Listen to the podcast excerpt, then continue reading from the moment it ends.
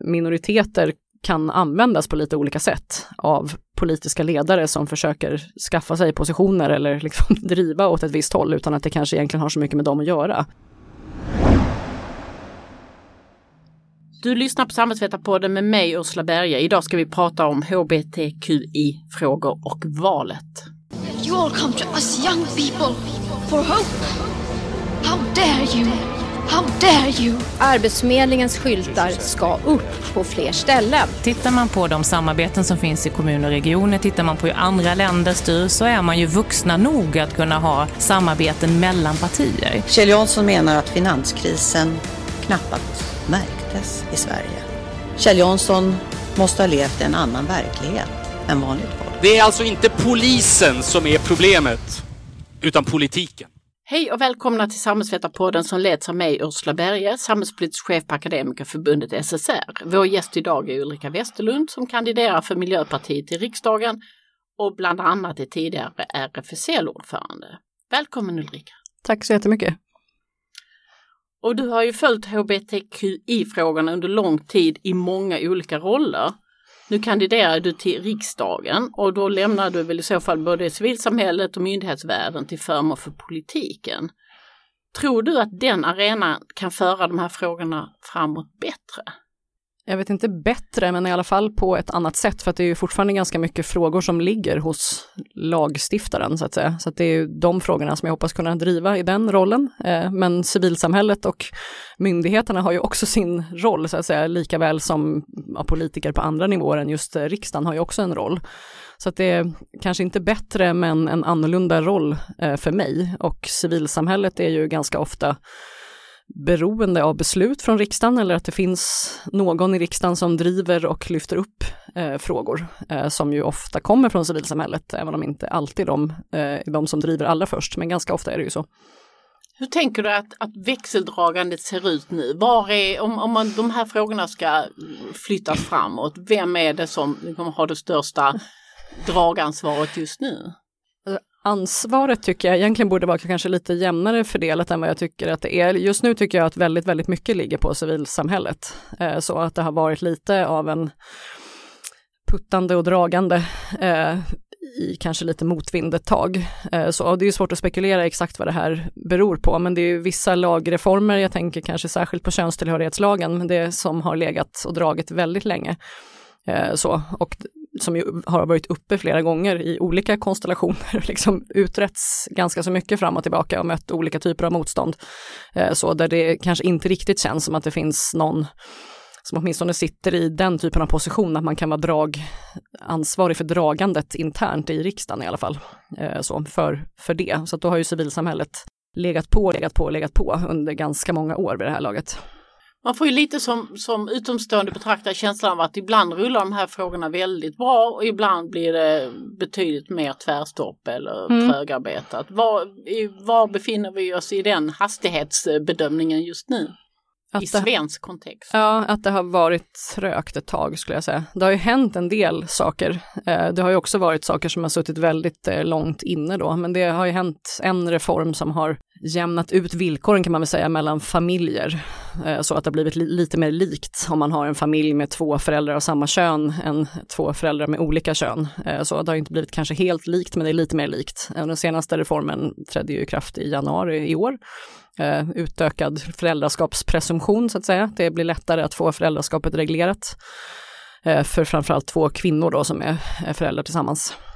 Men det är också en sån fråga som har drivits jätte, jätte, jättelänge. Eh, så det var en av de frågorna som vi hade med som en prio under mitt första år som ordförande för RFSL, det var ju 2010 och vi tänkte det här är ju en enkel match det, det, känns inte ens särskilt radikalt. Vi tyckte då att det, det, ska bli lika för alla gifta par, tänkte vi. Inte liksom fler vårdnadshavare än två eller något sånt och inte ens liksom samboskap var vi inte heller inne på, utan vi tänkte lika för alla gifta par. Eh, men det tog ju tills nu då att få igenom den reformen. Så enkla frågor tar 11 år? Eh, ja, men sen, ja, könstillhörighetslagen kan man ju diskutera hur länge som det har drivits att den ska ändras. Det är ju liksom i, på ett sätt i väldigt, väldigt långt perspektiv, eh, flera decennier. Eh, så sen har det ju skett liksom en del förändringar av den och så här, den absolut värsta problemet med den då i sin ursprungliga eh, konstruktion löstes ju rent formellt genom ett domstolsbeslut och det var ju december 2012 så försvann ju tvångssteriliseringarna och sen kom politiken efter ett halvår senare och liksom strök det också ur lagtext. Eh, så. Men när vi jobbade med den frågan så tänkte vi ju är det här ostrategiskt att vi nu liksom försöker få bort den här värsta problemet med den här eh, lagen eller borde vi egentligen bara pusha för en helhetsreform? Kommer liksom, eh, och nu tänker jag att det var nog bra att vi fick bort tvångssteriliseringar då, för den här helhetsreformen har ju visat sig ta jättelång tid då. Eh, den har ju legat som ett förslag på bordet sedan 2014 och den, har ju, ja, den är ju inte i hamn då. Varför Än. tänker du att det är trögt just nu? Är det några andra politiska vindar som man ska förstå det utifrån?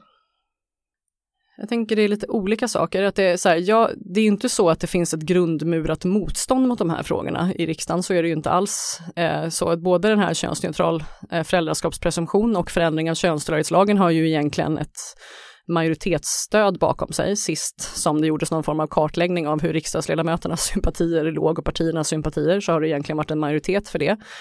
Eh, men sen är det ju då, det, det spelar ju ingen roll så länge inte liksom förslaget kommer upp, så länge inte det prioriteras.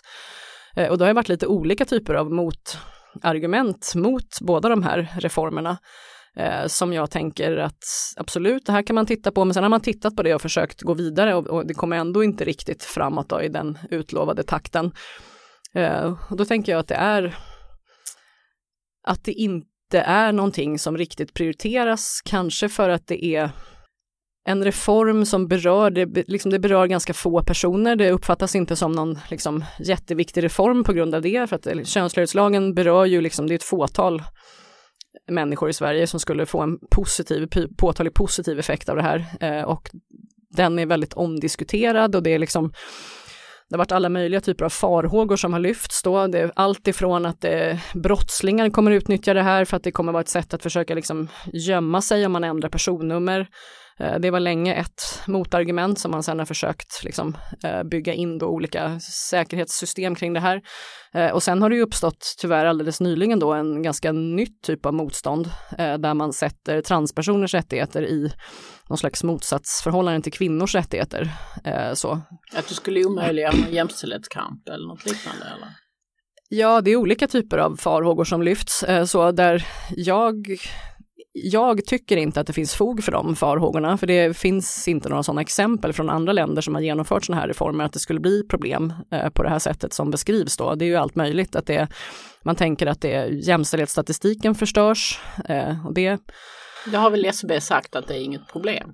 Eh, Då har de ju sagt att det inte är något problem och det är också så här, att det blir ju då om en person ändrar juridiskt kön till kvinna för att den är kvinna helt enkelt, då är man ju med i kvinnogruppen i statistiken. Men det är ju inte något problem tänker jag för att man ju är kvinna då. Eh, så, så att det är ju liksom, det, vi kokar ju, ibland kokar det ju ner till en stor diskussion om synen på kön helt enkelt, eh, så som har tagit fart. Men det är ju egentligen det är en ganska sen företeelse, just den debatten. Så att jag tänker egentligen att det är någon slags reform ovilja i botten då, att det är det som kanske mer förklarar att det inte har hänt någonting. Kanske för att man tycker att det har gjorts mycket på hbtq-området och nu så får det prioriterar vi något annat ett tag eller så här, det här är någonting som är för för få personer för att vi ska lägga upp det på bordet. Mm. Och vi ska komma in mer i detalj på de svenska reformerna och så vidare. Men jag tänkte vi skulle börja på, på en, någon form av temperaturmätare på de här frågorna internationellt. Vad skulle du säga, hur är den huvudsakliga trenden vad det gäller hbtqi-rättigheter internationellt i Europa och kanske också i övriga världen? Går det, det går rätt håll på vissa ställen men inte på andra. Nej, exakt. Både. Precis, det går inte att göra en så här global temperaturmätare, men eh, ILGA Europa gör ju en sån här karta eh, som de har gjort, jag vet inte hur länge, men väldigt många år, eh, där de försöker liksom kartlägga lagstiftning i olika länder. Och den, alltså, ja, den blir ju alltid lite förenklad när man försöker göra sådana saker, men den är lite effektiv i alla fall. Eh, så, och där, de senaste åren så har ju de, deras omdöme i stort har i princip varit att reformtakten har mått, mattats av och att i, liksom, i länder som historiskt sett brukar genomföra positiva reformer så har det under flera års tid varit någon form av stiltje eh, och sen har då andra länder aktivt försämrat läget. Eh, så. Nu tittade jag lite i år då eh, och då verkar det ju som att det ändå in, det är inte riktigt samma stiltje längre. Eh, så man kan se en rörelse. Eh, men man ser en rörelse lite åt båda hållen då, att det händer både positiva saker i vissa länder och sen negativa saker i andra. Och mest anmärkningsvärda kanske är då att Storbritannien har tagit steg tillbaka så att de liksom åker ner på den här rankinglistan, för de har ju länge varit ett land som har legat liksom uppe i toppen och simmat, även om det inte har varit liksom absoluta topprankningen så har ju de sett som en, liksom, en motor på många sätt. Kanske särskilt Skottland då, det är komplicerat att räkna Storbritannien som ett land, men det är så här, Skottland har stått för väldigt mycket transreformer till exempel. Eh, så. Eh, men nu har det ju varit en ja, otroligt hetsk debatt i Storbritannien då om det här just med synen på kön och transpersoners och kvinnors rättigheter och sådär. Eh, och det har ju haft vissa effekter då, till exempel att Storbritanniens könstillhörighetslag inte har genomförts så att man har ja, tagit bort transpersoner ur kommande lagstiftningar om eh, omvändelseförsök och så vidare. Så det är liksom en lite splittrad eh, bild, eh, så, där ju vissa länder verkligen eh, ja, går åt helt fel håll då. Det är ju ingen överraskning vilka de är då, Polen och Ungern och sådär. Eh, så att det, det är ganska komplext och splittrat i Europa. Eh, Sen under många år så har man ju lyft fram Latinamerika då som ett land eller ett, ett område där det har skett ganska mycket positiva reformer och det har det ju gjort och det fortsätter lite som jag förstår det. Både med samkönade äktenskap och reformer om erkännande av eh, könsidentitet juridiskt. Eh, så. så där händer det ju bra saker. Och sen, ja, Nordamerika då med USA är ju super, superkomplext. Att det liksom är, ja, där mycket... Där får man inte undervisa om saker och ting i skolan längre. I vissa stater. I vissa delstater. Ja, mm. och samtidigt då så genomfördes liksom på federal nivå helt plötsligt, alltså sånt som då presidenten i princip kan bestämma själv, så införde de ju eh, X i pass, alltså att man kan få en, istället för mail och female kan man få X som ett tredje alternativ helt oavsett vad som står i dina identitetshandlingar. Eh, så, så det är ju liksom någon slags signal då till liksom transcommunityt i USA att sådär på federal nivå så är vi i alla fall på er sida. Eh, så även om ni kan bo i stater som ja, i princip förbjuder att man talar om transpersoner då eller någon annan hbtqi-person heller. Så det är ju komplext. Det är, ett väldigt splittrat land på så många olika sätt. Ja, verkligen. Eh, super eh, komplicerat. Och ja, afrikanska kontinenten så är det ju också så här där, där det dels, vissa länder har ju genomfört att man har avkriminaliserat eh, samkönade sexuella handlingar ganska nyligen, eh, ganska ofta i domstolsbeslut har ju det hänt flera gånger, Botswana till exempel. Eh, och sen har ju andra stater försökt ta efter, men det pågår liksom en mängd olika komplicerade turer som är svårt att hänga med i så att säga. Och ganska ofta så får man ju intrycket att liksom hbtqi-personer används som någon form av eh, det är någonting som man kan slänga in. Om man som politiker är lite impopulär så kan man alltid lansera ett eh, lagförslag som handlar om att det ska bli ännu hårdare straff eller ännu sämre att vara hbtqi-person i det här landet. För det är liksom ett populistiskt grepp. Eh, och jag tror inte att alla de politikerna som lägger fram de här lagförslagen eller håller på och driver eller profilerar sig på det sättet, jag tror inte egentligen att de bryr sig så himla mycket om hbtqi-personer på vare sig det ena eller andra sättet. Utan det är liksom mer som ett ett vapen och en metod liksom, eh, som man kan använda i andra syften. Precis som vi har sett i till exempel Ryssland då, så är väl också det analysen. Det är inte så att liksom Rysslands politiska ledning tycker att det är väldigt viktigt att sätta dit hbtqi-personer egentligen, utan det är ju det att det är liksom ett populärt grepp. Mm. Så då använder man det för att ta bort uppmärksamheten från andra dumheter som man kanske har gjort. Jag läste en siffra, den kanske inte är aktuell längre, men att det i 69 länder är homosexualitet fortfarande olagligt. Det låter ju som att det är ganska många länder fortfarande. Ja. Och det är huvudsakligen på den afrikanska kontinenten eller? Eh, ja, mell ja, Mellanöstern och afrikanska kontinenten. Mm. Mm. Ja, nej, det en bit kvar. Jag kan alltså en, en, sak man säger om man eh, intresserar sig för demokratiforskning är ju, och demokratifrågor är ju den betydande autokratisering som vi ser i vissa länder, det vill säga att man går från demokrati till mer av autokrati som lutar mot ja, diktatur och då nämner man ofta Ryssland som ett land som liksom lämnar demokratin. Man nämner Brasilien och Bolsonaro. Man nämner också det som en gång när vi gick i skolan nämndes som världens största demokrati, Indien. Är autokratiseringen någonting som påverkar de här frågorna på ett tydligt sätt? Ja, just de länderna som du nämnde nu, då det är ju Dra åt lite olika håll kanske? Ja, drar åt lite olika håll, men det kan ju också gå lite snabbt för att det, Indien, det var väl fyra år sedan nu som de avkriminaliserade samkönade sexuella handlingar, det var också domstolsbeslut. Eh, sen tror jag kanske inte att det är så bra generellt eh, så i det finns fortfarande liksom en utbredd diskriminering och förtryck av hbtqi-personer. Så, men den åtgärden har ju gjorts. Eh, så. Eh, och Brasilien har ju innan Bolsonaro så var det ju inte liksom det var inte så att de utmärkte sig negativt så egentligen, så att just här är det sämre än i alla andra latinamerikanska stater, så var det kanske inte riktigt, men även där har man ju sett en, liksom, att man använder hbtqi-personer som någon slags slagträ, att det liksom är just den här populistiska att det är liksom ett, ja, det är ett grepp att liksom eh, sparka på utsatta minoriteter helt enkelt och liksom försöka ta sig fram eh, som politiker på det sättet. Så det är ja, jag vet inte om det går att koppla ihop exakt med den här processen som du beskriver, men det, det är väl ganska ofta så att det är minoriteter kan användas på lite olika sätt av politiska ledare som försöker skaffa sig positioner eller liksom driva åt ett visst håll utan att det kanske egentligen har så mycket med dem att göra. Mm. Och eh, den här som, som i alla fall eh, jag upplever ganska tydligt att vi går mot mer av nationalistiska och populistiska krafter. Hur påverkar det hbtq-frågorna? Det brukar ju inte bli så bra då, generellt. Eh, och eh, ja, det finns ju en, sen drygt tio år tillbaka så har ju liksom åtminstone den europeiska hbtqi-rörelsen eh, har ju försökt följa det här, det som ibland då kallas för antigenusrörelsen, eh, som för mig var ett känt ord, men jag har förstått på sistone att det kanske inte är så känt i liksom en svensk eh, kontext. Eh, men med det brukar man ju mena då ett liksom konservativt och ofta kristet men liksom religiöst eh, och ibland med koppling till eh, högernationalism och populism också. Motstånd mot kvinnors och hbtqi-personers rättigheter.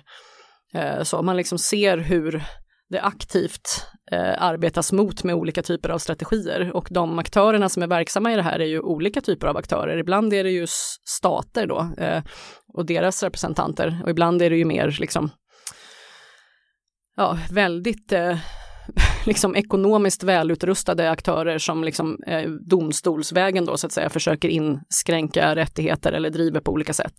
Eh, så. Och det eh, den rörelsen har ju vuxit sig starkare i Europa, helt klart, eh, under de senaste tio åren ungefär. Eh, det har följt på sådana här ILGA Europakonferenser, för liksom 10-12 år sedan så var det nästan alltid en sån här träffpunkt för aktivister från östeuropeiska stater. Nu ska vi prata om den här liksom problematiken som ni har hos er, som är det här liksom antigenus eller antigender.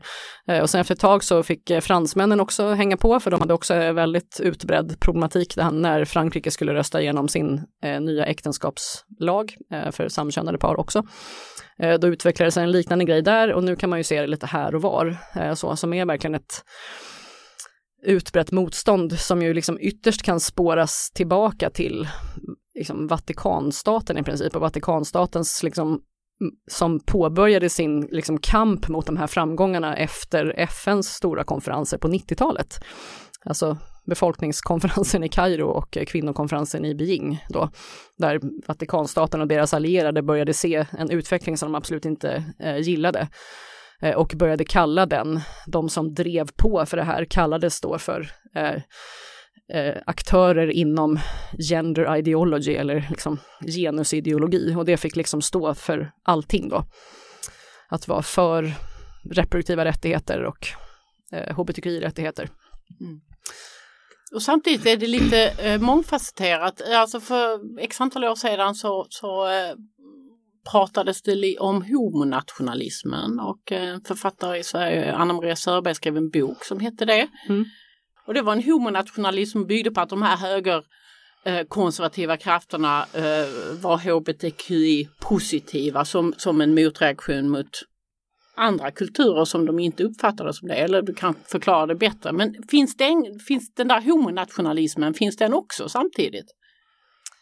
Ja, alltså den finns ju fortfarande i, i vissa länder där det har varit en fungerande, ett fungerande retoriskt grepp kan man väl säga. Eh, så just i Sverige har vi ju, där, vi har ju sett spår av det. Eh, Sverigedemokraterna försökte ju i min minnesbild var det framför allt inför valet 2010 ganska länge sedan. Då försökte de ompaketera sig lite grann eh, och skrev bland annat en del debattartiklar som handlade om hur de var i princip då det mest, liksom, antar att man då använder HBT, HBT-vänliga partiet, eh, underförstått då för att vi liksom står upp för att skydda er HBT-personer mot andra som vi inte vill ska komma in i det här landet som är mindre toleranta och så vidare. Så man har ju varit inne lite på det spåret, men sen har ju inte det funkat och det har inte riktigt gått ihop med an, annan politik som det partiet också driver. Så att min bild är att Sverigedemokraterna har droppat den det var metoden. det var liksom, exempel. Det var väl starkt i Nederländerna? Absolut, var, mm, eh, så, men det har ju inte här. riktigt funkat här. Så det beror lite på vad det är för partier som är som intar den positionen som Sverigedemokraterna intar i Sverige. Så att det liksom, om man jämför med Norge till exempel så brukar man ju säga att det, liksom, det är ändå Fremskrittspartiet som har den positionen i Norge. Sen är inte Fremskrittspartiet och SD är inte exakt likadana utan de har ju liksom olika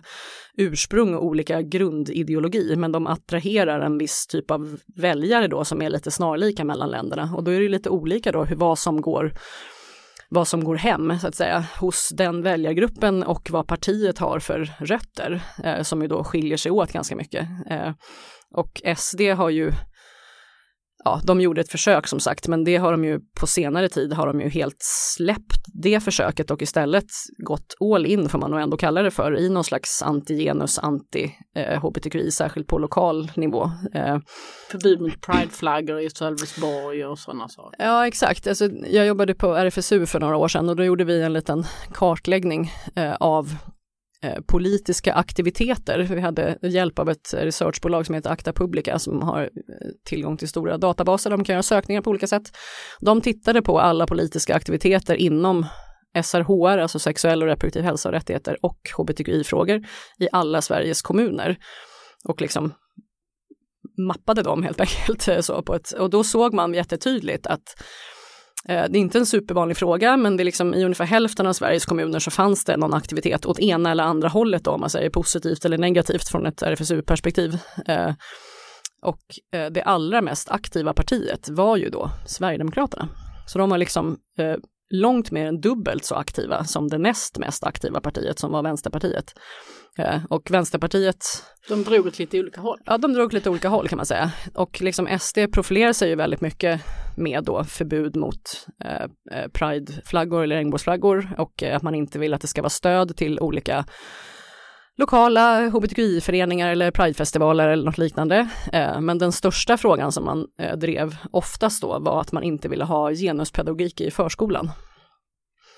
Den eh, toppade listan och de var ju då ensamma i princip om att driva den frågan. Inget annat parti lyfter det så överhuvudtaget. Eh, 2019 var den här kartläggningen. Mm. Mm. Spännande. Antigenus i lokalsamhället. Ja, verkligen. du, jag tänkte vi skulle gå in lite mer i detalj på, på Sverige och, och svensk eh, ehm, hbtqi-politik. Eh, Vilka tycker du, alltså det kanske är för stor fråga, men vad är de största segrarna? Liksom? Sverige, jag såg i den här ILGA-rapporten eh, att Sverige ligger fyra i Europa och det är ju, tyder lite på att vi ändå har, har nått vissa framgångar. Vad skulle du säga är de största framgångarna i korta sammanfattningar? I modern tid. I modern tid. Nej men eh, vi, vi har redan nämnt några av dem, eh, så att det har gjorts reformer för att liksom, likställa olika typer av familjebildning, tänker jag är betydelsefullt för, för väldigt många personer. Och det är ju liksom allt från eh, äktenskapslagstiftningen till att det är möjligt att vara föräldrar tillsammans också, liksom på pappret ordentligt med lika rättigheter oavsett vad föräldrarna har för kön, eh, att man har fått tillgång till eh, assisterad befruktning eh, oavsett vad det är för kön på de inblandade och senare då, men nu också då för ensamstående personer som har förmåga att bära barn.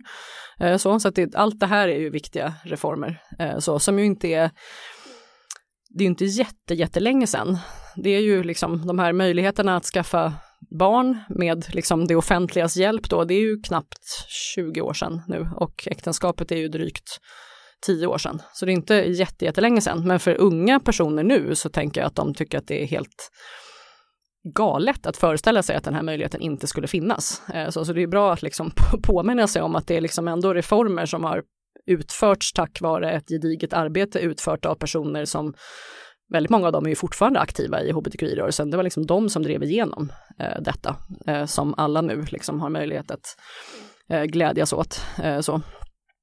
Eh, det och sen att, att tvångssteriliseringarna togs bort ur könstillhörighetslagen. Men det var ju då som sagt liksom först, alltså domstolen hann ju före, rättsväsendet hann före politiken där, även om de hastade efter eh, och de processerna förmodligen liksom påverkade varandra. Men det får man ju säga är en väldigt viktig reform också.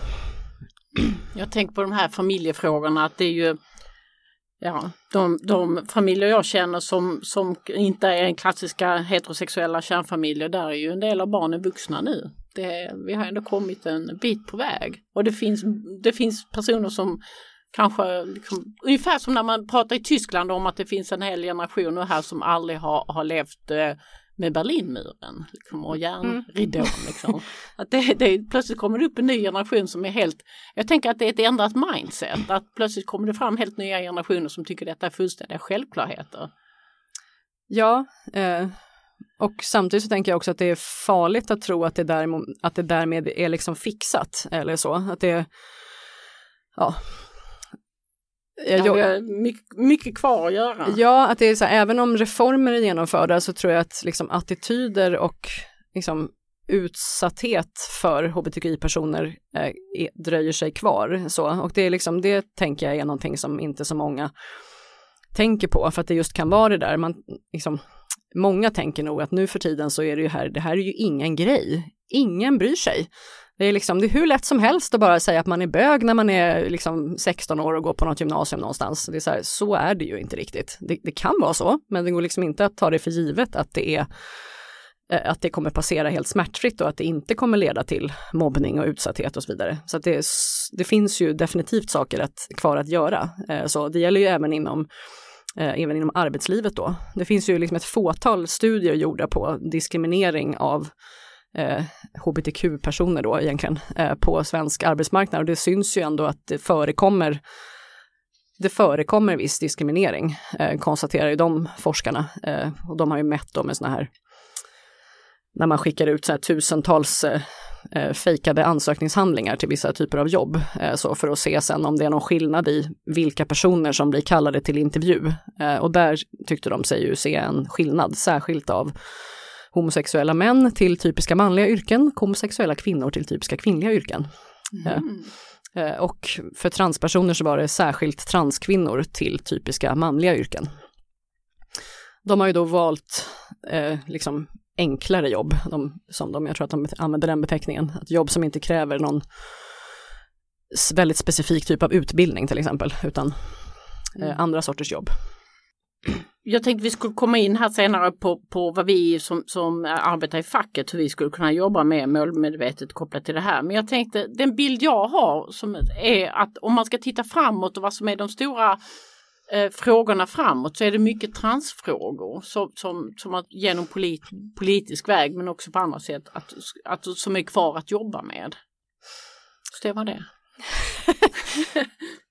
Ja, alltså ja, ja, det stämmer ju, för där ligger ju då den här, som jag har sagt, nämnt nu flera gånger, den här eh, förändringen av könstillhörighetslagen, den ligger ju på liksom, ja, lagstiftande nivå, att ändra på den. Eh, så. Men det är ju också ett motstånd mot transpersoner och transpersoners rättigheter som har kommit från lite olika håll på senare tid. Eh, så, som jag tänker att det är viktigt att man har eh, ögonen på och liksom försöker Eh, ja, motarbeta helt enkelt. Eh, så att det finns liksom uppenbarligen strategier som går ut på att försöka splittra hbtqi-rörelsen till exempel, att försöka säga, men nu ska vi ha fokus bara för, på frågor som rör sexuell läggning och vi liksom vill inte ha med det här könsidentitet och könsuttryck att göra av olika skäl. Eh, så eh, det tänker jag är ett problem och det är liksom en eh, strategi som syftar till att urholka hela rörelsen ytterst eh, från mitt perspektiv. Eh, så. Och sen är det ju att eh, reformer för transpersoner tog ju fart senare än reformer för homo och bisexuella personer i Sverige. Och ännu lite längre bak ligger ju då reformer för personer med intersexvariation. Där har det ju inte hänt någonting egentligen, åtminstone inte på lagstiftande nivå. Så där finns det ju en diskussion om Eh, det är ju också då ett önskemål från ILGA Europa när de gör sin den här kartan. Då. Det landet som ligger i topp, som har legat i topp i evigheter, är ju Malta. Och det är ju lite spännande med tanke på att Malta är ett eh, superkonservativt land när det kommer till reproduktiva rättigheter. Det är ju liksom katastrof med aborträtten på Malta, men på hbtqi-området så är de då Europas bästa. Eh, och de har genomfört en massa olika reformer, bland annat då på intersexområdet lagstiftning som förbjuder icke-medicinskt nödvändiga kirurgiska ingrepp eh, på spädbarn som ju då såklart inte kan uttrycka sin vilja. Det handlar ju om personer som föds med en oklart biologiskt kön, eh, så, där det fortfarande då utförs operationer som inte är nödvändiga för barnets hälsa utan att man gör det av andra skäl. Eh, liksom normaliserande skäl då. Eh, såklart är personer inte ondskefulla som gör det här utan man gör det för att man tänker att det är för barnets bästa. Eh, så, men det här eh, ifrågasätts ju från ett eh, mänskliga rättigheter perspektiv då. Och där har ju bland annat Malta då lagstiftat mot detta. Därför är de kvar i topp. Eh, så, och eh, i Sverige har vi ju inte något sådant förbud. Och varför, var, varför denna anomali Malta? Varför? Eh, varför de är i topp? Ja, varför, alltså, varför de är både och i någon mening? Ja, alltså det är jättesvårt att spekulera i, men det är verkligen så här en väldigt konkret händelse var att för ungefär tio år sedan så liksom bytte Malta ut sin sin regering, alltså i, alltså i ett val då, och då var det från en konservativ regering som hade suttit ganska länge och så blev det en mer progressiv regering och den personen som fick ansvar för hbtqi-frågorna eh, är nu kommissionär tror jag, Helena Dalli mm. eh, från Malta. Hon var liksom väldigt engagerad i de här frågorna. Eh, Malta är ju ett litet land. Eh, liksom frågade helt enkelt ett gäng maltesiska hbtqi-aktivister, varav flera av dem jobbade på ILGA Europa, eh, om de kanske ville komma hem till Malta och eh, liksom lägga fram lite reformförslag. och det ville de ju jättegärna göra. Så att det är liksom, hon tog verkligen tag i det här väldigt konkret och ja, några år efter det här regeringsskiftet då så såg, började vi se resultaten av de här reformerna. Eh, så, där liksom det seglade uppåt i ganska hastig fart. Så, så enskilda liksom, det fanns, individer spelar roll? Ja men det gör det ju faktiskt. Att det är så, att det, liksom, det fanns en politiker på plats med vilja att driva och göra reformer och den personen hade också koll på eh, civilsamhället och vilka som eventuellt skulle kunna vara behjälpliga och så här. Du har nämnt könstillhörighetslagen som är en viktig reform. Jag tjuvlyssnade på riksdagsdebatt igår, jag vet inte varför jag gör sånt, men, men då var det en riksdagsledamot som pratade om att man borde införa till exempel förbud mot omvändelseförsök. Mm. Är det också en sån fråga man, som, som ligger i pipelinen att jobba med? Ja, absolut. Eh, jag har ju jobbat på MUCF, eh, måste man kanske säga då, men det är ju helt utanför mitt partipolitiska engagemang såklart. Men det var ju vi på MUCF som gjorde den här rapporten som handlade om omvändelseförsök. Den ingår i en stor rapport som handlar om villkor för unga hbtqi-personer i Sverige. Eh, och då skulle vi undersöka förekomsten av omvändelseförsök. Eh, och då kunde vi se att man nog inte kan utesluta att det eh, förekommer i liksom, vad vi formulerade som en inte obetydlig utsträckning. Eh, vi, bland annat ställde vi en fråga i nationella ungdomsenkäten som fångade upp några personer som uppgav att man blivit utsatta för olika saker. Eh, vi hade en ganska bred definition av det här. Mycket av det som man skulle kunna kalla är omvändelseförsök är ju redan förbjudet, alltså tvångsäktenskap eller att liksom föra personer utomlands mot deras vilja. Så det finns ju många sådana saker som redan är förbjudet. Man kanske inte riktigt når fram, man lyckas ju inte stoppa alla de här händelserna. Eh, men det finns också aktiviteter som inte är förbjudna då riktigt, som ju då mest, oftast är religiösa församlingar som utsätter personer för känslomässig liksom, alltså påtryckningar av olika slag, eh, så som syftar till att pressa personer att eh, oftast då att inte leva ut sin sexuella läggning eller könsidentitet. Under hot om då att man liksom förlorar hela sin kontext så att säga. Att det är liksom, eh, och det är ju inte förbjudet eh, i sig. Så att i den här rapporten så har vi tittat lite på olika länders lagar och lagstiftningsförslag och det går ganska snabbt här så det är väldigt många länder som har infört nyligen eh, sånt. Så att det, jag tycker också att det borde man titta på. Så och det här ligger ju ganska nära andra problem, eh, hedersrelaterat våld och förtryck till exempel. Eh, så, och här finns det också definitivt mer att göra och definitivt för hbtqi-gruppen som ju alltid tenderar att falla bort. Eh, så jag såg alldeles nyligen en debattartikel av de fyra blåbruna partierna, eller hur vi ska beskriva det, som skrev just om olika reformer de önskade se på hedersområdet. Eh, och det var väl bra, en hel del av dem, men det stod ju ingenting om hbtqi-personer i denna debattartikel. Och det är, liksom, det är en del av Eh, problemet upptäckte vi när vi jobbade med den här rapporten, att de inte syns. Eh, så att vi liksom inte riktigt vet hur utsattheten ser ut. Men eh, det finns en utsatthet och ibland är det vad man skulle kunna kalla för omvändelseförsök och ibland är det annan form av utsatthet eh, som är ganska svår att dra gränsen eh, emellan. Mm. Och du beskriver mycket eh, utifrån ett ungdomsperspektiv här. Skulle du säga att det finns ett eh, alltså stora fält kvar vad det gäller hbtqi-ungdomars eh, situation som behöver apostroferas på ett tydligare sätt från skola och från, från andra aktörer? Ja.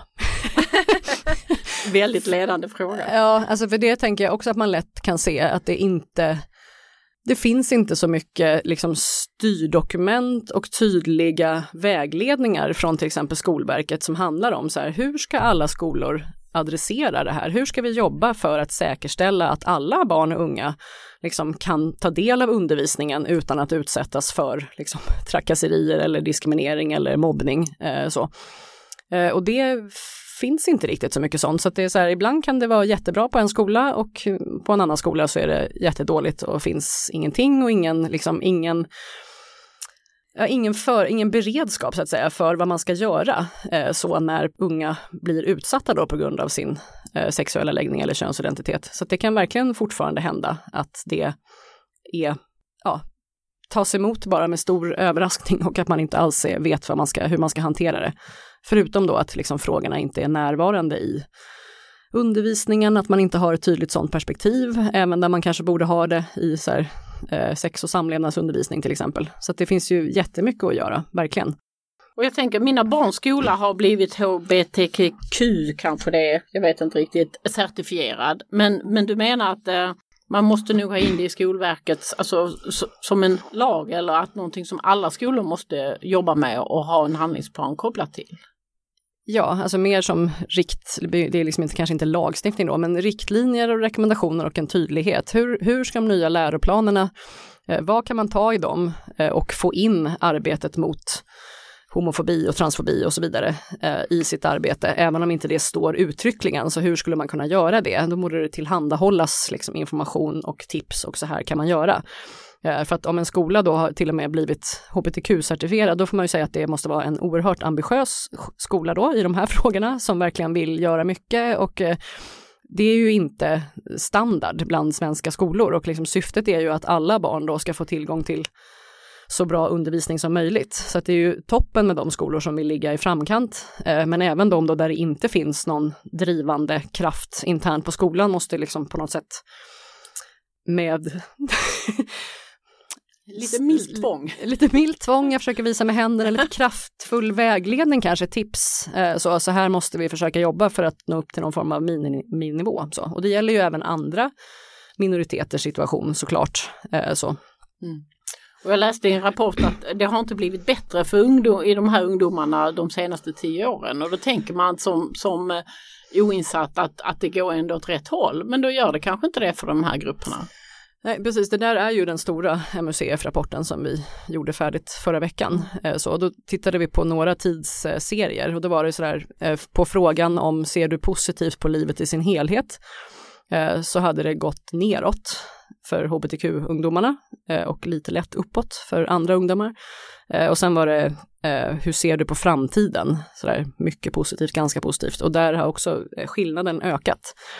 och det har inte blivit bättre då kan man inte säga, baserat på de siffrorna. Ja, ja det Sen, sen har jag liksom, det är många journalister som har frågat om det där och då kan man ju tänka, om man skulle titta på det här i ett liksom, det här är ett tioårsperspektiv då, ska man titta på det i ett 30-årsperspektiv, nu finns inte de siffrorna, men om de hade funnits så då kanske vi hade sett en, en tendens som ändå är åt det bättre då liksom i ett sånt långt perspektiv, men det går inte nu att på något sätt tycka att vi har gjort tillräckligt och eh, Eh, det går åt det bättre hållet och det kommer automatiskt bli bättre för den yngre generationen tycker att det här är liksom självklarheter och behandlar inte sina klasskamrater som är homosexuella sämre. Så det kan man absolut inte ta för givet utan här det krävs liksom fortsatt, fortsatta insatser från vuxenvärlden helt klart. Och en annan sak som du var inne på är ju det här eh, disk diskriminering i arbetslivet och jag poddade ju med dig för x antal år sedan med rubriken Strunta facket i transpersoner. Eller kanske hbtqi-personer överhuvudtaget.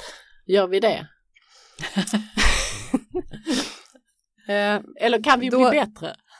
Ja, men jag tänker det. Eh, så, för det, då pratade vi ju med anledning av den här eh, statliga utredningen om transpersoner i Sverige. Och då, då hade vi ju kontakt med facken, eh, lite olika fack, om man gjorde några riktade insatser eh, så, till hbtqi-gruppen. Eh, det gjorde ju ingen i princip då, eller liksom försökte synliggöra. Det var ju ganska ovanligt. Eh, jag tror fortfarande att det är ganska ovanligt att man försöker liksom, synliggöra vad facken skulle kunna göra. Eh, så. För jag tänker att okunskapen är ganska stor fortfarande hos liksom, allmänheten, men det gäller ju då också allmänheten bland hbtqi-personerna, de som inte är extra insatta. Eh, så. Att det finns, upplever du liksom, blir du diskriminerad så finns det faktiskt det finns möjligheter till upprättelse och facken är ju absolut de starkaste aktörerna. Så att om du blir diskriminerad just på arbetsmarknaden så är ju dina chanser att få personlig upprättelse för den diskrimineringen är ju mycket, mycket större än om du blir diskriminerad i någon annan del av ditt liv så att säga. För då är du ju i princip utlämnad till Ja, DO säger ju nu att de ska börja driva fler fall, det är ju toppen och utmärkt. Annars är ju de här fristående eh, antidiskrimineringsbyråerna då, men de är ju ganska små och har inte heller jättemycket resurser i jämförelse med hur mycket resurser facket har. Så att jag tänker att det finns absolut mer att göra där. Vi, vi ska försöka släppa upp lite. vi, vi gör en del kan jag säga från vårt eh, facks sida, men det kan behövas mer. Du, jag tänkte säga, du kandiderar ju eh, för Miljöpartiet och du har ju den här profilen på de här frågorna. Eh, varför vill Miljöpartiet fokusera på de här frågorna? Alltså Miljöpartiet vill ju fokusera, alltså det finns ju flera frågor som man vill fokusera på såklart. Kanske eh, gröna frågor också. Klima, klimat och miljö klimat så att säga. Också. Det, det ligger, ligger i topp. Det ligger lite underförstått här. Jag avslöjar valstrategin och klimat och miljö är alltså den viktigaste mm. frågan. Spännande. Ja, väldigt interna nyheter som liksom sprids ut i eten. Eh, men sen är ju också frågor om eh, demokrati, mänskliga rättigheter, jämställdhet och så vidare har ju också alltid varit högt prioriterade av Miljöpartiet då. Och det är så här, för min egen del då, när så här, det är ju anledningen till att jag är just i Miljöpartiet då. Inte så att alla andra partier är dåliga, eh, så, men jag har liksom utifrån sett tidigare uppfattat eh, en, ett mer konstant fokus och intresse på de här frågorna eh, från Miljöpartiet. Så det därför så blev det mitt val. Eh, så. Mm. Eh, och jag uppfattar inte heller att det är någon så här, oj nu blev det så här, utan att det är en analys, att man tycker att det finns ett litet hål att fylla där och eh, just nu skulle jag väl kanske säga att det hålet har blivit lite större då än vad det kanske var för åtta år sedan var det väl det valet när Miljöpartiet var ganska starka och eh, Fi var också ganska starka och var ju nästan på väg in i riksdagen där ett tag. Och då tänker man ju att det är lite samma väljare här som rör sig eh, runt, eh, som röstade både på eller Fi eller Miljöpartiet, det var lite snarlik grupp tänker jag. Den gruppen har ju nu uppenbarligen krympt, ser vi ju, eh, till det här eh, valet. Eh, och det kommer ju säkert framtida statsvetare analysera exakt hur den här utvecklingen gick till. Så, men jag tänker ju att det inte är någon slump att nu håller vi fast i de här frågorna utan att det är liksom ett medvetet val. Mm. Och jag tänker, jag är själv statsvetare i, i botten och det finns ju en skala som inte är, eh, grå-grön och som inte är höger-vänster utan som är galtan där TAN står för traditionell, auktoritär och nationalistisk inriktning och GAL är då grön, alternativ och libertariansk. Mm. Där liksom, ja, att göra det hela. Man får lite intryck av att den politiska skalan har rört sig på ganska kort tid, ganska snabbt åt TAN-hållet. Ja. Och att kanske att Miljöpartiet står ganska ensamma kvar i GAL. Håller du med om den analysen? Ja, alltså ja. Jag hoppas ju att Miljöpartiet inte är helt ensamma kvar eh, så, och att inte alla väljare har liksom rört sig åt samma håll. Men jag tänker också att det har blivit så. Eh, exakt varför, jag tycker att det är lite knepigt att förstå faktiskt. För jag tycker att det har varit en ganska snabb utveckling då. över de senaste två valen då till riksdagen i Sverige som man kan se. Att det är liksom, jag vet inte exakt vad det beror på. Eh, det är ju alltid sådana här pendlar som slår lite fram och tillbaka. Eh, så, men jag tycker att det är väldigt tydligt. Men en analys man kan göra är ju då att det här eh, gallhålet, att det kanske inte är väljarna som har flyttat sig så jättemycket utan att det finns en ganska stor väljarbas kvar men att partierna har flyttat sig av olika triangulerande skäl eller andra skäl. Ja, det här kommer vi ju bli varse då den 11 september, men eh, ja, jag, i, i, min värld så hoppas jag ju att, det, att inte alla väljare har liksom flyttats med åt det hållet, utan att det finns eh, ett, ett, gäng personer som ändå tycker att det här är viktigt att de här frågorna finns med. Eh, och då är det såklart även då klimat och miljöfrågor som ju fortsätter att vara väldigt viktiga, eh, men också de här eh, frågorna. Eh, och det, det är kanske ganska ofta det här med ja, men vem som är en motor då, eller man ska säga att det liksom någon, någon måste ju, någon på plats inne i liksom ett lands parlament måste på något sätt vara den som så driver på. Det kan gärna vara fler än en person så som driver på för att vissa frågor ska fortsätta att komma upp överhuvudtaget. Eh, finns det inte några sådana mottagare där inne så hjälper det ju inte hur smarta och skarpa eh, civilsamhället är i princip om det som de försöker få igenom är liksom just lagreformer. Eh, så. Mm. Ja, men det... Jag tänkte vi skulle närma oss någon form av avrundning här och säga att om vi tar det här exemplet med den här maltesiska kommissionären, liksom mm. att, att enskilda individer, enskilda eldsjälar spelar roll. Tänker du dig, alltså jag kan ju säga det som, som tittande lite utifrån att jag tycker inte det finns, den individen finns inte i riksdagen idag, i alla fall inte så tydligt. Eh, ska du, vill du bli den?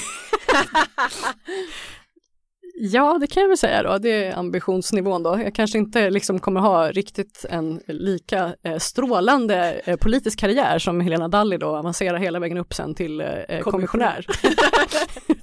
men Nej men är det men så har... sådana här, vissa av de här frågorna kräver det någon, alltså enskilda individer där man tänker att det politiska rörelser i allmänhet mycket, har mycket bredare front än en enskild individ. Men då, det kanske ibland behövs. Jag tänker att det behövs enskilda individer som har ett fokus. Alltså såklart, är man helt själv så blir det ju jättesvårt att åstadkomma någonting. Men liksom min bild är ju inte att det är så att det finns ett massivt motstånd mot ett gäng av de här frågorna. Så är det kanske inte riktigt, men det kanske inte är någon som har det som sitt primära fokus då, om man säger. Och det är ju liksom lite olika saker. Eh, så är det någon som har ögonen på just det här, som försöker driva på åt ett visst håll på just det här området.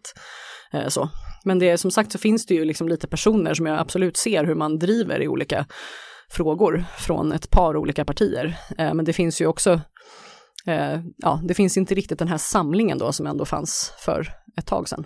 Och det kanske finns politiska majoriteter som, som, så att grogrunden finns. Det är bara det att det är ingen som har, har fått upp det till ytan. Ja, alltså nu, just nu i riksdagen så finns det ju egentligen politisk majoritet för diverse reformer eh, som ändå inte riktigt kommer upp då. Eh, och det är ju den här prioriteringen då, hur man lyfter och ja. Mm. Mm. Och då blir min avslutande fråga här, kan hbtqi-frågor bli valfrågor? Kan det vara någonting som, som spelar roll fram till den 11 september i valrörelsen? Ja, alltså i, i valrörelsen, jag tänker att valrörelsen består av många olika små valrörelser också, förutom den som är den som alla ser om man säger. Att det är, så att jag tänker ju att det absolut kan vara någonting som får vissa personer att välja ett visst parti. Så att på så sätt tänker jag att det kan vara en del av valrörelsen. Eh, sen så gör jag mig inga illusioner om att det liksom är så här att man massivt kan gå fram med så här vi ska ändra könsblöjslagen om inte det har hänt innan valet och att det kommer bli liksom det kan inte en, stå på alla valaffischer. Nej, det är, liksom, det är en obegriplig fråga för den absoluta majoriteten väljare. Eh, så, så att det är liksom, men däremot så tänker jag ju att valrörelsen också bedrivs i liksom, i smått i vissa kontexter, att det är valrörelse också på Sveriges Pridefestivaler och liksom andra typer av sådana samlingspunkter där jag tänker att det absolut är valfrågor på det sättet. Att det är inte så att alla hbtqi-personer väljer parti utifrån just de frågorna, men ett antal personer gör ju det. Och det kommer att bli en spännande valrörelse och ett spännande valresultat även vad det gäller både Miljöpartiet och din kandidat kandidatur. ja. Tack Ulrika! Tack själv! Det var allt från Samhällsvetarpodden den här veckan. Du hittar oss där du hittar andra podcasts. Samhällsvetarpodden görs av Akademikerförbundet SSR, Sveriges ledande samhällsvetarförbund.